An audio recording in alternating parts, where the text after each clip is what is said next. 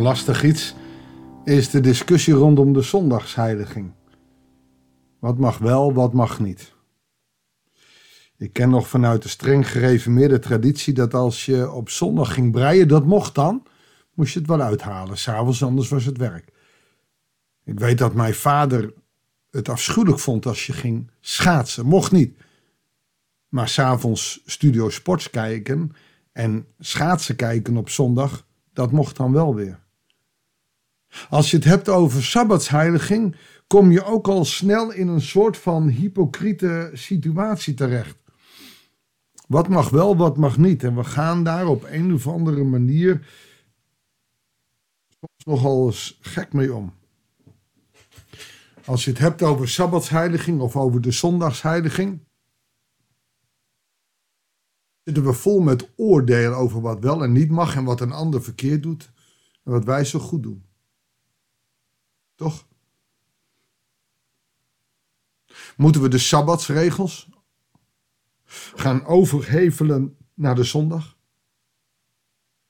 En welke generatie? De ouderen? Of die van mij, de X-generatie, heb ik laatst geleerd. No nonsense, je gaat in de kerk, wees betrouwbaar. Ook al vind je er niks, je gaat ervoor. Terwijl de patatgeneratie, de generatie na ons, zoiets heeft. Maar ik ga erheen en af en toe en uh, ik, kom er om wat te halen. En, uh, en als ik geen zin heb, ga ik niet. Wat betekent dat voor de jeugd? De I-generatie? Die gaat alleen als ze er echt wat aan hebben. Dus je moet het zondags dan wel goed gaan verkopen. De regels in het Oude Testament, maar ook in het Nieuwe Testament, om de Sabbat te heiligen, zijn door de kerk zoveel opgepakt als je mag dit niet en je mag dat niet. De regels. De Shabbatsreis werd haast ingesteld bij sommige kerken en zijn er nog wel in de streng gereformeerde traditie. Dat je alleen lopend naar de kerk mag en als je te ver woont. Sommige kerken zullen nog het aantal kilometers kunnen bepalen ook dan mag je met de fiets of met de auto. We hebben de regeltjes, terwijl Jezus daar toch eigenlijk ook wel weer mee afgerekend heeft. Waarom zijn die regels er? In de traditie en in de geschiedenis van de kerk zijn de regels zo vaak opgesteld om, of, of laat ik het zeggen, door de gemeenschap en door sommige predikanten geïnterpreteerd als wat wel en niet mag. Terwijl als je in de Bijbel kijkt, zijn het regels om je te helpen te focussen op het goede. En ik denk dat de Sabbatsheiliging, laat ik het overzetten naar de Zondagsheiliging, bedoeld is om in ieder geval je te focussen op God. En als je op zondag naar het pretpark gaat, heb je weinig tot geen ruimte om je te focussen op God. Als je boodschappen gaat doen, gaat klussen, gaat de zondag als vanzelf een soort zaterdag worden. En heel af en toe ga je nog even naar de kerk. Oh ja, dat is er ook nog op zondag. Tenminste, ik voorzie dat onze jeugd er zo op gaat reageren. Wat is onze verantwoordelijkheid voor ons nageslacht en hoe gaan we daarmee om? Moet je dan zondags twee keer naar de kerk of ben van de tweede keer al af. Hoewel ik nog wel regelmatig preek. Omdat ik dat ook nog wel wat overdam vind. Als ik ochtends in de kerk ben geweest, een goede preek heb gehoord. En ik krijg er smiddags nog weer een, dan vergeet ik er een. Of ik vergeet ze alle twee. Ik denk dat daar de zondag ook weer niet voor bedoeld is. Maar goed, die tweede dienst is ook nooit opgezet om erheen te moeten. Het was een leerdienst. Het was een Bijbelstudie. Het was een mogelijkheid om daar categorisatie te krijgen, omdat dat soms zo moeilijk was en zeker door de week nooit kon. Het is een kerkdienst geworden waar verplichting aan zat. Waar natuurlijk helemaal niks op tegen is, omdat het wel iets moois is. Maar moet je het weer als regel stellen. En toch is het goed om de zondag op een of andere manier te respecteren, te eren, om daarin God groot te maken. En dan kan je wel zeggen, nou ja, als ik door de natuur loop, maak ik God ook groot. Prima. Maar je gaat mij niet vertellen dat als je met vrienden boodschappen doet en daarna uit eten gaat, dat je dan heel veel tijd vrijmaakt voor God. Nou, daar gaat het vandaag voor mij een beetje over. Goeiedag, hartelijk welkom bij een nieuwe Bijbels dagboek. Bij een nieuwe podcast van het Bijbels dagboek. En, uh, ik zit al halverwege de tijd. We lezen Nehemia 13, vers 15 tot en met 22. In diezelfde tijd zag ik in Juda op de Shabbat mensen druiven treden in de wijnpers en koren schoven op ezelsladen. En ook wijn, druiven, vijgen en allerlei kopen naar Jeruzalem brengen. En dat op de Shabbat. En ik vermaande hen omdat zij op die dag levensmiddelen verkochten. De Tyriërs die er woonden voerden op de Shabbat vis en andere koopbaar die ze verkochten aan de Judeërs en dat in Jeruzalem. Ik maakte de vooraanstaande burgers van Juda verwijt en zei tegen hen: Wat doet u voor schandalers? U ontheiligt de Shabbat. Waarom de Shabbat, zoals God die heeft ingesteld, was voor rust en om bezig te zijn met God.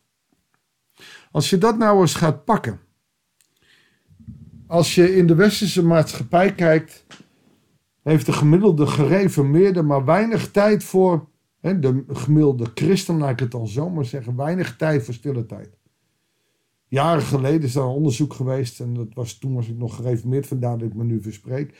Maar dat was toen 2,5 minuut per dag. Nou, dat is belachelijk. Terwijl God 24-7 met ons bezig is. En we gaan één uurtje in de week naar de kerk. We kunnen vaak de preek niet eens meer navertellen als ze buiten is. Weet je dat driekwart van de mensen die buiten staat niet eens meer de preek kan navertellen? De sfeer proeft en, maar je bent wel met God bezig. Ik denk dat als we het moeten eraf halen en zorgen dat mensen gaan verlangen om te leren van God, om, om te vieren door de muziek, door te bidden, maar ook door te luisteren naar zijn woord. Als we dat verlangen opwekken bij jongeren, niet omdat het moet, maar omdat het mag, omdat je daar leert, dan komt er meer binnen dan, dan wanneer je moet, wanneer het een verplichting is, wanneer het erbij hoort. En de zondag is nou juist zo'n mooie dag daarvoor. In Nederland hebben de meeste mensen vrij. Kijk, niet als je in de zorg werkt. Maar tegenwoordig kun je er al haast niet aan ontkomen als je in de winkel werkt, dat je dan op zondag ook af en toe moet werken. De hele maatschappij maakt het ons druk. Maar ik zeg je, maak je daar niet schuldig om. Als je geen vrij kan krijgen, ga je maar werken. Maar zorg dat je ergens op die dag of in dat weekend tijd maakt voor God. Is het dan niet in een kerkdienst, dan ga je hem online kijken of je gaat iets anders doen. Maar zorg dat je tijd vrijmaakt voor God. Meer dan 10 minuten, zelfs meer dan een uur. Want dat uurtje in de kerk, dat doet het ook niet. Zorg dat je op de Shabbat een stuk rust krijgt. Of dat je in ieder geval in de week een plek hebt waarin je rust krijgt. Lichamelijk, zowel geestelijk hebben we het nodig om tot rust te komen, omdat anders in onze stille tijd het woord niet eens binnen kan komen we nauwelijks tijd en, rust in ons hoofd hebben om te bidden. De Shabbat is er niet gemaakt om te pesten. De Shabbat is er gemaakt voor de mens, zegt Jezus. Dat de mens tot rust kan komen, tot God kan komen. Omdat God rust is. En wij hebben het vermaakt tot een dag waar het op moet kunnen dat je gaat uiteten. Weet je, dat je gaat uiteten op die dag een keer. Ik, mij maak je er niet gek mee. Ik doe het niet. Ik probeer op zaterdag nog te tanken. Als ik ver weg moet om te preken. Moet ik op zondag toch tanken, dan doe ik dat. Ik zal er niks bij kopen. Waarom niet? Omdat ik mezelf voor wil houden dat het een dag van God is. Dat, het, dat ik dat niet moet willen. Omdat ik weet, dat als, en dat geldt voor heel veel mensen. Als die grens over is, dan kan je ook net zo goed even naar de Albert Heijn om even wat te halen. Voor je het weet, strek van de Dam. Voor je het weet ga je voor de tijd even boodschappen doen en dan is er een lange file en ben je te laat voor de kerk. Nou, dan gaan we volgende week wel weer. Voor het weet gaat het niet meer om God, maar gaat het om ik, ik, ik. En we hebben een vroom laagje, want we zijn christen. Maar wat stelt het voor?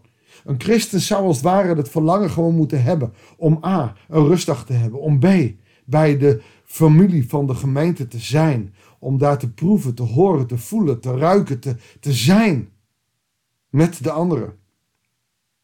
Zelfs als ik een vrije zondag heb, ga ik naar de kerk. En soms vind ik er niks aan. Heb ik een spreker die, die ik niet kan volgen of waar ik niks mee heb. Maar toch ontmoet ik andere mensen. Andere mensen ontmoeten mij. Ik krijg de zegen.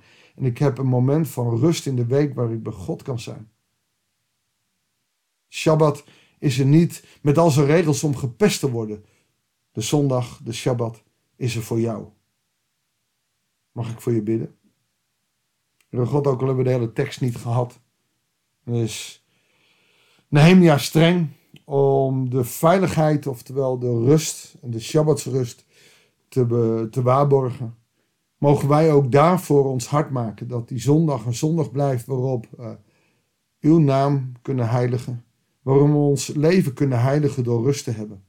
Door niet zoveel te moeten, maar zoveel te mogen. Door rust te krijgen, Heer God. En dat hebben we nodig in deze gehaaste en drukke tijd. Heer, leer ons toch door de kracht van uw geest dat het geen moeten is, maar dat we mogen. En dat we moeten leren verlangen naar de rust van de Shabbat. God wil ons zo zegenen. Wil dat verlangen in ons leggen. Dat kan alleen door de kracht van uw Heilige Geest. We bidden Jezus naam. Amen. Dankjewel voor het luisteren. Ik wens je God zegen. En denk eraan. Wat betekent voor jou die zondag? Die ene dag dat je rust mag hebben. Mooie uitdaging. Welke generatie ook hoort. Wat betekent rust? Wat betekent bij God zijn? Wat betekent God alle eer geven?